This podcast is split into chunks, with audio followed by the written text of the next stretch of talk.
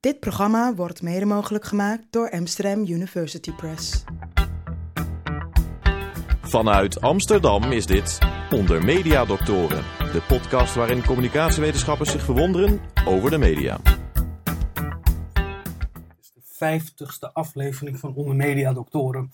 En dat is een felicitatie waard aan u. Want beste luisteraar, wij vinden elkaar leuk. U heeft voor ons gekozen.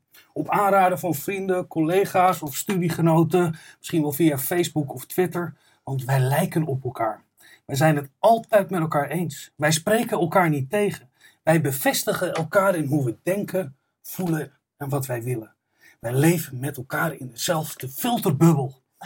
Daar gaan we het vandaag over hebben. Over de informatieluchtbeeld die ervoor zou zorgen dat we intellectueel geïsoleerd raken en niet meer in aanraking komen met andersdenkenden.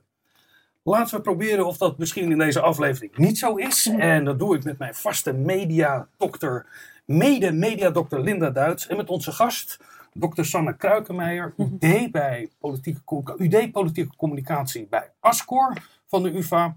En in 2014 promoveerde jij op online politieke communicatie en de effecten daarvan op de politieke betrokkenheid van burgers. Ja.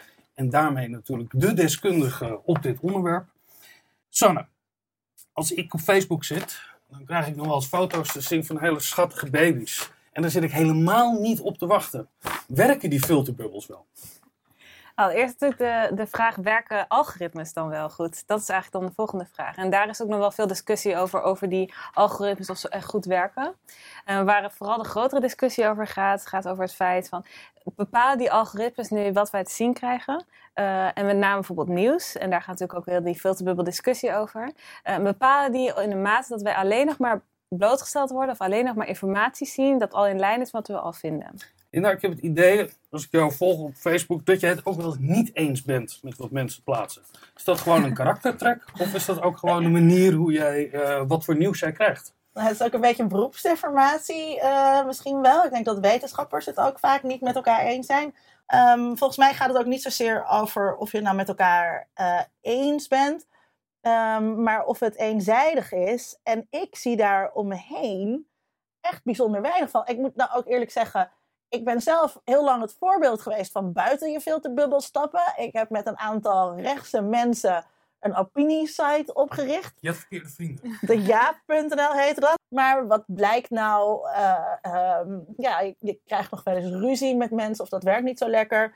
Ehm, dus ik weet ook helemaal niet of het nou eh, zo'n goed idee is om heel erg buiten je filterbubbel te gaan. Omdat je daar soms ook dingen aantreft die helemaal niet zo prettig zijn. Dus ik vind tegenwoordig wel fijn dat ik wat meer in een bubbel weer zit. Sanne, je, je vertelde al iets dat het heeft te maken met algoritmes. Kan je omschrijven eigenlijk wat nou in de, de wetenschap de discussie is rondom filterbubbels? Wat zijn dat dan? Nou, eigenlijk gaat de discussie over twee verschillende onderwerpen. Namelijk over echo chambers, echokamers aan de ene kant en eh, de filterbubbel, het, het leven in die bubbel aan de andere kant. En echo chambers betekent eigenlijk dat mensen eh, eigenlijk zichzelf alleen maar eh, blootstellen of alleen maar informatie zien wat al in lijn is wat zij zelf vinden, zonder dat de computer ook daar maar iets naar beslist. Dus wij zijn heel erg aangetrokken eh, over het algemeen naar informatie met wat, we al, wat al in lijn is met wat we vinden. Aan de andere kant zien we ook dat, dat idee van de filterbubbel. Dat komt eigenlijk van een eh, wetenschapper, Elie Pariser. En hij zegt eigenlijk dat de algoritmes bepalen wat we te zien krijgen. En dat is eigenlijk wat, wat we bedoelen met die filterbubbels. Maar dat is dus wel interessant, want ehm, we zitten dus al heel erg in dat soort echokamers, los van het internet. En, en ik vind dus juist het internet altijd een plek waar je die echokamers veel makkelijker kunt doorbreken. En het is wel interessant dat die belofte eigenlijk die het internet had, nu helemaal lijkt om te draaien. En dat het internet nu juist als boosdoener wordt gezien van hele korte lijntjes, eigenlijk al hele korte sociale lijntjes. Beste luisteraar, u weet dat niet zo heel lang geleden er een nieuwe Amerikaanse president is verkozen. En de reden waarom die is verkozen, dat wil ik graag aan jullie laten zien. Want het wordt in één minuut duidelijk in de documentaire Hypernormalization van Adam Curtis. Laten we even een minuutje gaan kijken waarin dat verklaard wordt. Many of the facts that Trump asserted were also completely untrue. But Trump didn't care. He and his audience knew that much of what he said bore little relationship to reality. This meant that Trump defeated journalism. Because the journalists' central belief was that their job was to expose lies and assert the truth. With Trump, this became irrelevant.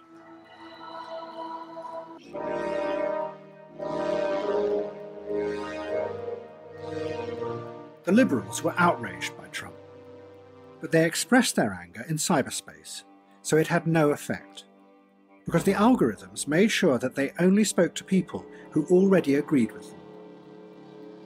Instead, ironically, their waves of angry messages and tweets benefited the large corporations who ran the social media platforms. One online analyst put it simply angry people click more. fenomeen dat we eigenlijk alleen nog maar bevestiging vinden daarvan zou ook kunnen verklaren waarom we nooit hadden kunnen aanzien komen dat Donald Trump verkozen werd. Is er eigenlijk empirisch bewijs daarvoor? Voor het bestaan van filterbubbels Ja. is eigenlijk weinig empirisch bewijs voor. En de reden dat dat zo is, is omdat ehm, eh, mensen eigenlijk eh, zich niet alleen maar blootstellen aan eh, bepaalde informatie. Mensen spreken ook met andere personen, met, ook buiten de media. En we kijken nog steeds heel veel andere soorten media. Als we bijvoorbeeld kijken naar onderzoek, eh, waarin gekeken wordt naar wat mensen nou eigenlijk gebruiken, dan zien we bijvoorbeeld dat ook de mensen die weinig media consumeren, toch nog wel iets eh, consumeren. Dus je helemaal buiten stellen en bijvoorbeeld alleen maar sociale media gebruiken en daar alleen maar blootgesteld worden aan diezelfde soort berichten, dat bewijs vinden we eigenlijk niet in de wetenschap. Er zijn maar heel weinig mensen die echt alleen op sociale media zijn aangewezen eh, voor hun politiek nieuws. Ja, dus op, op sociale media krijg je ook altijd plaatjes op Facebook en nieuws van je tante en eh, eh, allemaal dat soort dingen. En je krijgt wel veel nieuws via sociale media. Maar ehm, op Facebook valt het volgens mij nog best wel mee. En wat je hier ziet is dat ehm, journalisten zitten allemaal op Twitter en schrijven dus ook heel veel over Twitter. Maar er zitten helemaal niet zo heel veel mensen op Twitter.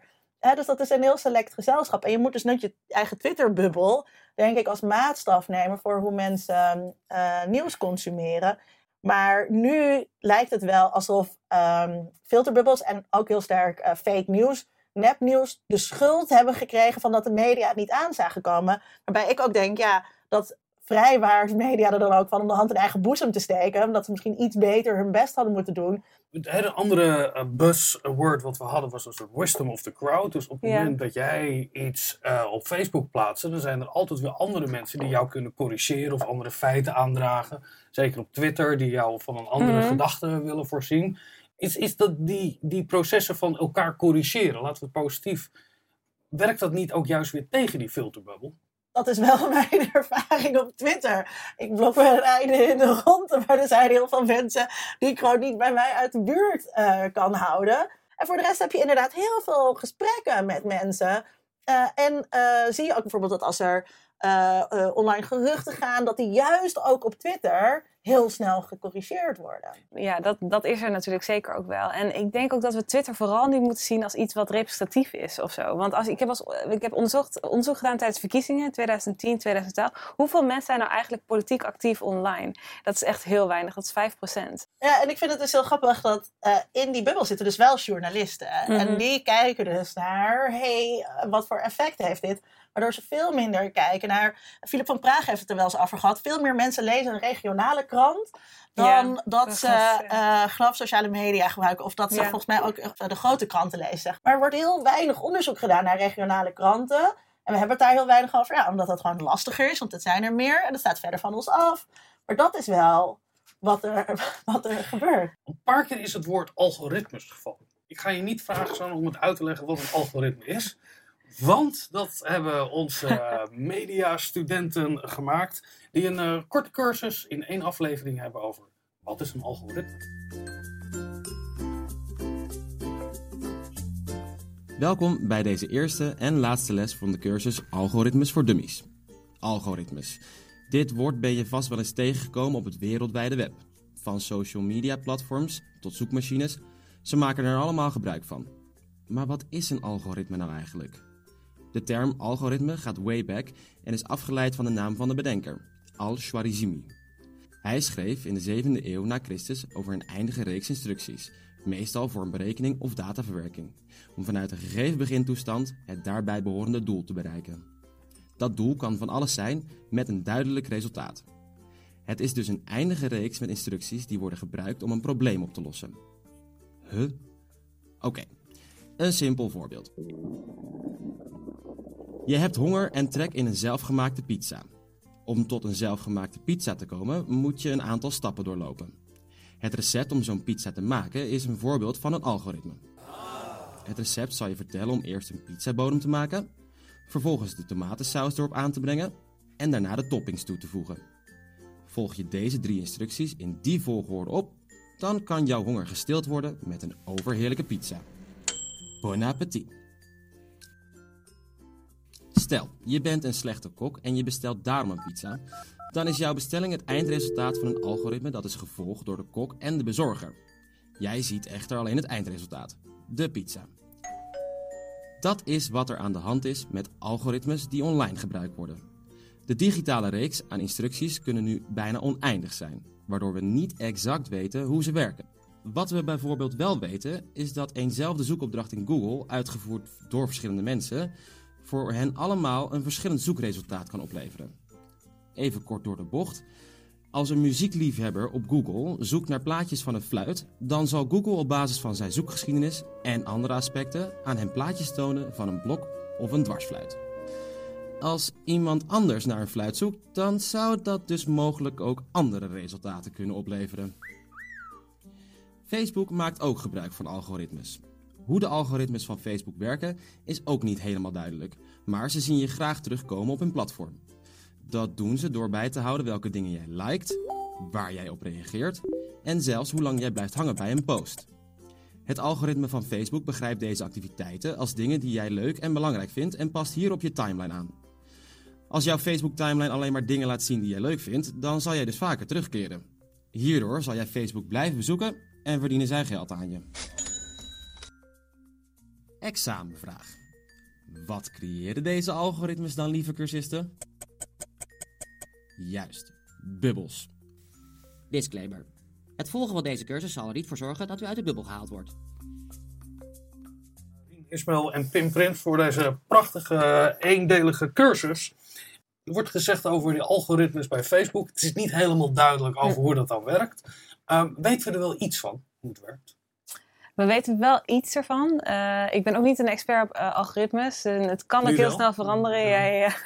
Ja, het werd eigenlijk heel goed uitgelegd. Uh, algoritmes gaan eigenlijk een beetje op basis van die regels. Dus elke keer als je bijvoorbeeld iets liked, ergens naar kijkt, ergens op klikt, bijvoorbeeld online winkelt, de dingen die je daarin opslaat, um, de berichten die je ook deelt, de foto's die je deelt, wie daarin getagd zijn, wie je vrienden zijn. Dat zijn allemaal manieren om die regeltjes te maken in zo'n Het is een recept. soort zelflerend systeem. Wat je, Ja. je, je leert een computer die waarschijnlijk ergens in de Verenigde Staten. Leer Ja. jij steeds meer over wie jij zelf bent. Ja, Hoe pak, je dat basis- dan, hoe pak je dat dan aan als je dat gaat onderzoeken? Want iedereen heeft dus een, andere, een ander Facebook. ja. Hoe doen jullie dat? Wat we nu aan het doen zijn, en eh, dat is heel nieuw, we gaan nu eh, kijken bij eh, mensen. En dan gaan we echt kijken, wat doen mensen precies online? Want dan kun je echt, echt zien wat mensen doen ook in hun dagelijks leven. Dat is een heel ingewikkeld onderzoek met heel veel, omdat het natuurlijk heel privacygevoelig is. Dus we moeten ook wel op basis van ja, juridisch scherpe, dus dat soort manieren om het te doen. Maar je kan ook bijvoorbeeld onder... Nou, dan, dan heb je een soort tracking systeem, kan je Ja, me dan kun je voorstellen. zo bijhouden wat mensen echt zien. Ja, dus eigenlijk wat normaal bijvoorbeeld Google zou doen, maar dan dus op een, op een goede manier. Zeg maar dat dan je de niet Facebook dus dat dat Ja, dus, maar dan- jij moet langs de ethische ja, Maar je commissie. tracht Ja, aan de gebruikerskant te reconstrueren hoe de algoritmes werken van dit soort eh, diensten die aangeboden Ja, en, en ik denk niet, het is ook heel moeilijk om te kijken wat de algoritme, maar wat, je, wat bijvoorbeeld een, een computer doet, zoals je bijvoorbeeld eh, iets zoekt op Google, dan slaat zo'n computer staat cookies op. En op basis van die cookies onthoudt eigenlijk de computer eh, wat jij gezien hebt. En daardoor kun je dus eigenlijk zien waar mensen op welke websites ze bezocht hebben. En daar bijvoorbeeld eh, wordt als je de volgende website bezoekt, bezo- bijvoorbeeld een advertentie getoond. De vraag is eigenlijk, is er nu wel iets heel erg anders aan de hand dan misschien wel 20, 30 jaar geleden? Hè? Dat we in een verzuilde tijd eh, leven, waarin jij het katholieke nieuws kreeg of je kreeg het arbeidersnieuws. Gelukkig bestaan ook dit soort kranten nog steeds, die met een hele gerichte doelgroep werken. Een voorbeeld daarvan is het Nederlands Dagblad, het, dat het nieuws bericht in het licht van de Bijbel. Eh, het is een christelijke krant eh, en de hoofdredacteur is Sjerk Kuiper. En Tom Aalmoes en Sebastian van der Pol maakten een interview met de vraag: creëren zij nou eigenlijk ook een bubbel?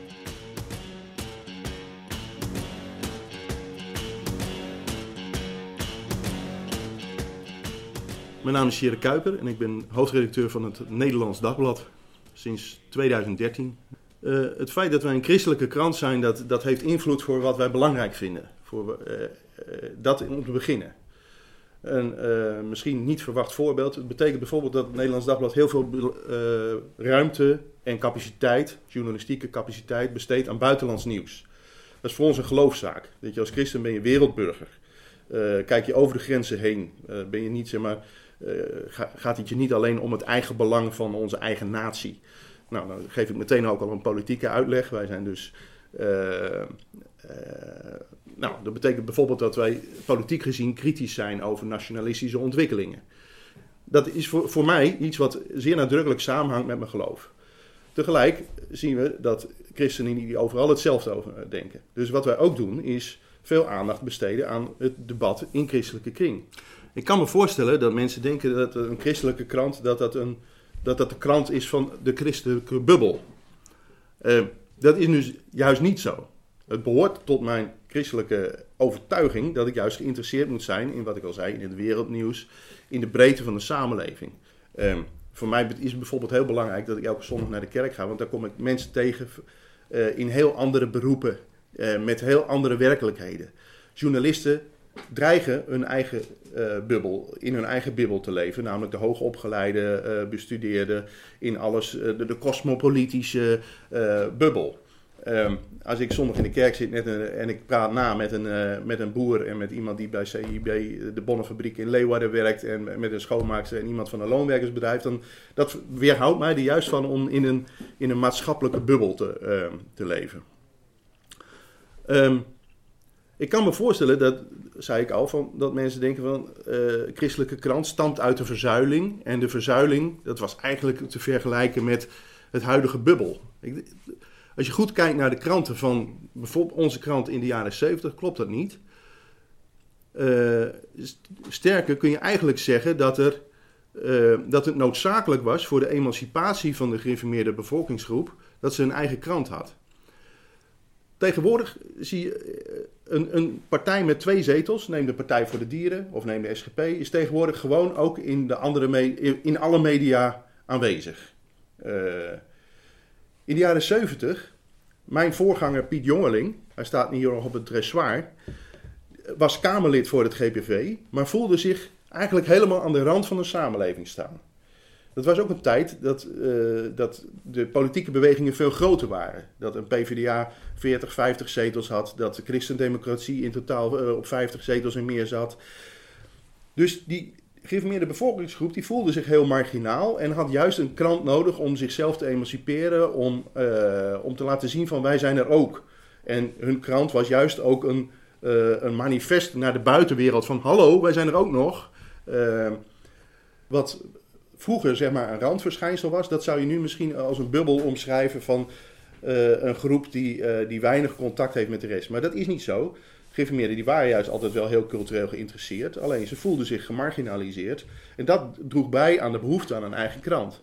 Nou, dit nu is een hele andere ontwikkeling. Nu zie je dat door, met name door social media de bubbels ontstaan van mensen die alleen nog bevestigd worden in hun eigen mening. Wij doen erg ons best om te voorkomen dat wij in een bubbel leven. Ik ben persoonlijk, eh, heb ik zeer kritische commentaren over Trump geschreven. Maar ik pas er wel voor op dat wij een, uh, dat wij alleen dat geluid aan het, aan het woord laten. Alleen al het feit dat in de VS heel veel conservatieve christenen voor Trump gestemd hebben, moet mij nieuwsgierig maken naar hun beweegredenen. Moet, mij, moet onze verslaggevers zeg maar, aan het werk zetten van waar zit hem dat dan? Waar zit die groep dan? Dus daar schrijven we over en we voorkomen daarmee juist dat we ons in ons eigen gelijk blijven bevestigen. Hetzelfde geldt voor andere godsdiensten. Uh, we hadden afgelopen zaterdag een, uh, naar mijn idee een, een uitstekend dubbel interview met een imam en een rabbijn over het gevoel van onveiligheid. Iets wat voor moskeeën in Nederland eigenlijk nieuw is. Dat was naar aanleiding van de, de aanslag in Quebec. Uh, en waar Joden eigenlijk al tientallen jaren mee vertrouwd zijn met de, met, met de bedreiging. Nou, was een heel mooi dubbel interview. En wat het leuke is, gisteren belt mijn collega van Zaman Vandaag, Turkse krant in Nederland, mogen wij dat interview overnemen. Nou, als je nou denkt van uh, wij zijn een christelijke bubbelkrant, dan hoop ik dat dat soort voorbeelden aangeven dat het, dat het dus helemaal niet zo is. Linda, een zeil kan ook emanciperen, zegt uh, de hoofdredacteur van het Nederlands Dagblad. Ja, een, een kan zeker uh, emanciperen. wat ik interessant vond aan wat hij vertelde, is dat ehm, eh, hij, hij maakt eigenlijk een onderscheid, al doet hij dat niet expliciet, hij maakt een onderscheid tussen een specifiek perspectief van waaruit je kijkt en duidt. eh, en een filter. Een filter houdt eh, bepaalde dingen tegen. En ik geloof inderdaad dat mensen vanuit een bepaald perspectief veel meer kijken. En dat zie ik wel heel erg sterk om me heen. Dat mensen die bijvoorbeeld vanuit een Trumpiaans perspectief kijken, ook al liegt Trump en is dat overduidelijk, dan willen ze dat toch niet aannemen. En die lezen wel de New York Times, maar die willen dat toch niet aannemen. Die zeggen, neem maar die krant eh, die ligt. En dan zie je dat mensen zo vastzitten in hun eigen gelijk, in hun eigen overtuiging. Dus die, die komen nog wel buiten hun bubbel, maar ze willen dat niet aannemen. Hè? Ze willen dat niet als voorwaar aannemen. En dat is iets heel anders waarbij die, bij de christelijke krant, waar ze zeggen, ja, wij kijken vanuit een christelijk perspectief. Wij staan breed in de wereld en wij hopen dat onze lezers uh, ook daar kennis van nemen. Maar Sanne, als de filterbubbel betekent dat je niet in aanraking komt met andersdenkenden, was dan in de tijden van verzuiling, ja, dat de zuil was gevormd naar gelijkdenkenden. Mm -hmm. um, was dat dan niet eigenlijk, praat Linda niet gewoon onzin, door te zeggen van ja, die mensen bevestigen elkaar toch ook alleen maar? Je zag natuurlijk ja, in de jaren 50 dat mensen in die zuiden leven. Uh, en wat je bijvoorbeeld ziet, en, en dat zag je met de opkomst van televisie. En daar zijn ook heel veel, uh, heel veel communicatiewetenschappelijk onderzoek naar gedaan. Naar gekeken van, uh, als mensen dus naar dezelfde programma's gaan kijken, dan vinden ze dezelfde soort dingen belangrijk. Dat creëert, een soort samenhang. We vinden dezelfde onderwerpen belangrijk, daar vinden we ook dat we wat aan moeten doen. Dat is ook logisch, want je kijkt naar dezelfde programma's. Um, wat ook nog een ander fenomeen is met televisie, is dat als je bijvoorbeeld kijkt naar een bepaald programma, bijvoorbeeld sport, en daarna komt het journaal, dan krijg je een soort in, we noemen het inadvertent exposure. Dat betekent eigenlijk dat je per ongeluk nog even blijft hangen. Dus dat leidt ook dat mensen nogal politieke kennis hebben, ook al waren ze daar misschien in eerste instantie niet zo geïnteresseerd. Um, en dan wordt er nu vooral over die filterbus gaat natuurlijk die discussie over gaan we nu naar een soort nieuwe verzuiling, waarbij uh, mensen dus, media wordt heel gefragmenteerd en daar maakt iedereen zich altijd heel erg zorgen over. En als we dan alleen maar nog die dat, dat wat we zelf vinden consumeren, krijgen we dan niet. Dan verliezen we eigenlijk die cohesie en die, ook die, die kennis hebben van verschillende. En Ja, daar want- zijn mensen bang voor. Ja, want Ja. mijn vraag is eigenlijk, zit er iets in die, in die hele medium-specifieke eigenschappen die we nu hebben met online media, waardoor we niet meer in elkaars keuken kunnen gaan kijken of in elkaars wereld Mm. te gaan kijken? Ja, ik denk eigenlijk dat het onafhankelijk is van media. Namelijk, en dat laat onderzoek wel zien, dat eh, we zijn ook, dat klopt ook, we zijn ook meer geneigd om eh, iets eh, ook te vinden als het meer in lijn is met wat we al dachten. Dus bijvoorbeeld een bepaalde mening, bijvoorbeeld over vluchtelingen. Eh, maar we, zijn, we vinden geen wetenschappelijk bewijs dat mensen echt andere informatie vermijden of ontwijken. Dus, De dus confirmation bias? Of, ja, je noemt dat selective exposure en selective avoidance. En we vinden dus bewijs voor dat sele- selective exposure. Dus, maar of minder, of we vinden eigenlijk, er lijkt niet zoveel bewijs zijn voor dat selective avoidance. Dat je echt uit de weg gaat, die informatie. Dat hoeft ook niet, want je Nee. kunt dus gewoon iets lezen. En misschien dat wel ook opzoeken waar je niet mee eens bent. En vervolgens ga je die mensen dan hele boze Twitter berichten sturen. Want dat is veel meer de realiteit dan dat mensen zich echt terugtrekken. En ik denk dat het ook eh, bij die zuilen ging het om heel duidelijk afgebakende groepen. Hè? Dus de katholieken, dat was een heel duidelijke groep. Dat overheerst ook ieder element van je leven.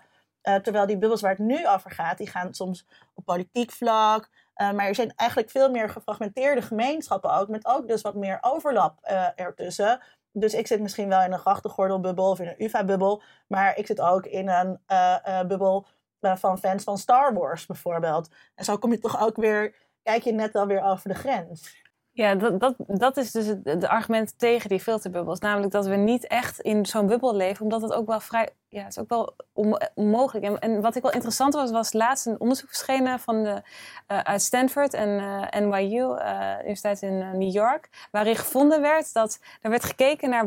Eh, want er was heel veel discussie, ook in de VS, ook over, dat nepnieuws. Wat is nou de invloed van dat nepnieuws geweest? Leven mensen echt in zo'n filterbubbel en waar worden ze nou aan blootgesteld? En uit het onderzoek bleek dat, eh, eh, hoewel mensen ook wel veel sociale media gebruiken, dat was maar 13% eh, als, als belangrijkste. En wat je ook in dat onderzoek zag, was dat gemiddeld over de drie maanden tijd van de hele verkiezingscampagne, zijn mensen gemiddeld, dus het gaat gemiddeld ook aan één nepnieuws blootgesteld. Dus dat was de invloed van nepnieuws.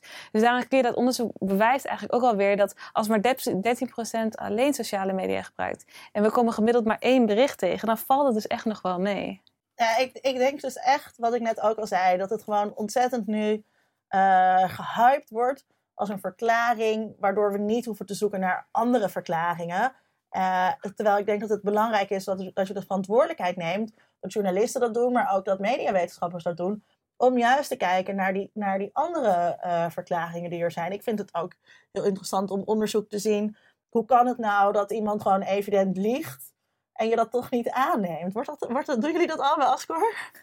Het confirmation bias, er wordt nu inderdaad ook al veel onderzoek naar gedaan. Ja. Het hangt ook heel erg naar psychologie vooral ook. Van, uh, het gaat misschien niet alleen... Want is het echt iets unieks voor media namelijk? Dat vraag ik me dus af met dat. Eh, is het, gaat het, is het meer een groter fenomeen, namelijk wanneer vertrouwen informatie... Uh, en daar zijn natuurlijk veel meer processen ook ja. belangrijk bij. Ja. En het hangt ook een beetje aan het idee... Um, dat we ook wel heel graag willen dat aanhangers van Trump of van Wilders geradicaliseerde idioten zijn. En daar past dat idee van fake news en zo'n filterbubbel heel erg goed bij. uh, crazy mensen die op het platteland van Amerika afgezonderd zijn en alleen nog maar nepnieuws uh, uh, tot zich nemen. Nou, ik vind het wel mooi dat communicatiewetenschap dat dan empirisch lekker positivistisch kan ontkrachten. Sanne, aan het einde van de uitzending proberen we altijd een antwoord te geven op de vraag die we in het begin hebben gesteld. Mhm. En de vraag is, raken wij nou intellectueel geïsoleerd? Komen we door die verdraaide filterbubbels nooit meer met anders denken in aanraking? Ik denk dat anders simpel altijd nee, het valt heel erg mee. Uh, maar we moeten ons wel, het moet wel in de gaten houden. We moeten wel in de gaten als steeds meer nieuws wordt gepersonaliseerd, uh, als we steeds meer uh, sociale media gebruiken, is het wel belangrijk om dat wel in de gaten te houden. Want het zou natuurlijk kunnen zijn, we weten dat bepaalde mechanismen wel werken, dat we inderdaad meer geneigd zijn om informatie te geloven wat al in lijn is, of met te, te, consumeren dan in lijn is wat we al vinden. Dus ik denk dat het zeker is dat we iets moeten blijven onderzoeken. Potentiële ja. dreiging, maar het is nog niet zover. Linda. Nee, zeker niet. Ja, ik maak me, veel, ik maak me wel zorgen over uh, algoritmes. En dat, maar dat komt vooral omdat het zo weinig transparant is. Ja, het vergt niet zo heel veel fantasie om na te gaan. Wat zou een volgende stap zijn? Als een nieuwsorganisatie dat het niet meer de vraag is: krijg je een bepaald nieuwsbericht wel of niet te zien, maar wordt het nieuwsbericht zelf aangepast aan jouw eigen politieke voorkeur? Dat gebeurt dus al. Ja, dat, nou, stel je voor dat dat uh, nog veel beter gaat en dat in de terminologie uh, uh, iemand leest, hè, de asielplaag en de andere over die enge rechtse mensen die zo lelijk doen tegen asielzoekers, maar het bericht is nog steeds dezelfde aanleiding. Dan zou je inderdaad wel in een wereld kunnen komen waarin je bijvoorbeeld misschien ook wel naar een voetbalwedstrijd kan kijken en dat jouw team altijd wint. Waarom eigenlijk niet? Dat zou toch ook heel mooi zijn. Dames en heren, dit was de vijftigste aflevering van Onder Media En u Gefeliciteerd, Vincent. Gefeliciteerd, uh, Linda. Dankjewel. En uh, u kunt zich op onze podcast abonneren. Dan kunt u deze beluisteren, dat wat u nu aan het doen bent, maar ook alle 49 andere. En dat kan via iTunes of Stitcher. Alle informatie is te vinden op ons geheel uh, vernieuwde website ondermediadoktoren.nl. Aan deze uitzending werkte mee Volkert Koehoorn, die wij heel veel succes wensen met zijn scriptie, Iris Verhulstonk, Sebastian van der Pol, Narien Ismail, Pim Prins en Tom Aalmoes. Dank ook aan mijn eh, mededokter Linda Duits voor deze uitzending in alle 49 hiervoor.